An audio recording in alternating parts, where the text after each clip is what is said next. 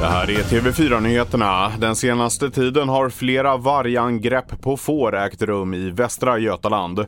Totalt har runt 130 får dödats i ett tiotal vargattacker i år. Men skyddsjakt på de skyldiga vargarna har inte alltid utlysts. Orsaken är en tumregel om att samma varg ska ha utfört flera attacker innan skyddsjakt blir aktuellt. Nu har fårägarna fått nog och Lantbrukarnas riksförbund driver frågan att skyddsjakt ska bli lättare att utlysa vid vargangrepp. Norge är det senaste tillskottet på Rysslands lista över ovänliga stater, rapporterar den ryska nyhetsbyrån Interfax enligt Dagens Industri. Anledningen att Norge skrivs upp på listan är på grund av ovänliga handlingar mot ryska diplomater i landet. Norge gör sällskap med USA, Tjeckien, Grekland, Danmark, Slovenien, Slovakien och Kroatien på listan.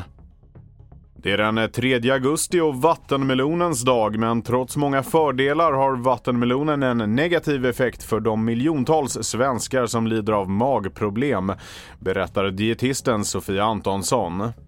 Den innehåller också vissa ämnen som kan få magen att eh, bli som en liten ballong. Har man känslig mage, IBS till exempel, då är vattenmelonen en bomb brukar vi säga.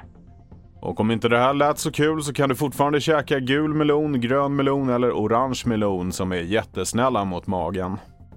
Den amerikanska rymdstyrelsen NASA lanserar en ny streamingtjänst senare i år, rapporterar Techcrunch.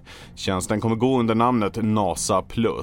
Den kommer vara reklamfri, gratis och visa lanseringar, dokumentärer och serier. Tanken är att de ska göra rymden tillgängliga för alla. Tidigare i somras lades Tommy Körberg in på sjukhus efter att ha drabbats av en bakterie i ryggen. Då tvingades 75-åringen ställa in sin sommarturné. Nu har turnén fått nya datum och kommer istället äga rum nästa sommar. Turnéplanen hittar du på tv4.se. Jag heter Felix Båmendal.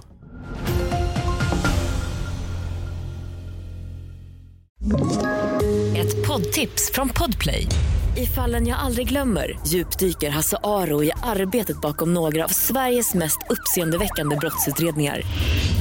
Går vi in med hemlig telefonavlyssning och, och då upplever vi att vi får en total förändring av hans beteende. Vad är det som händer nu? Vem är det som läcker?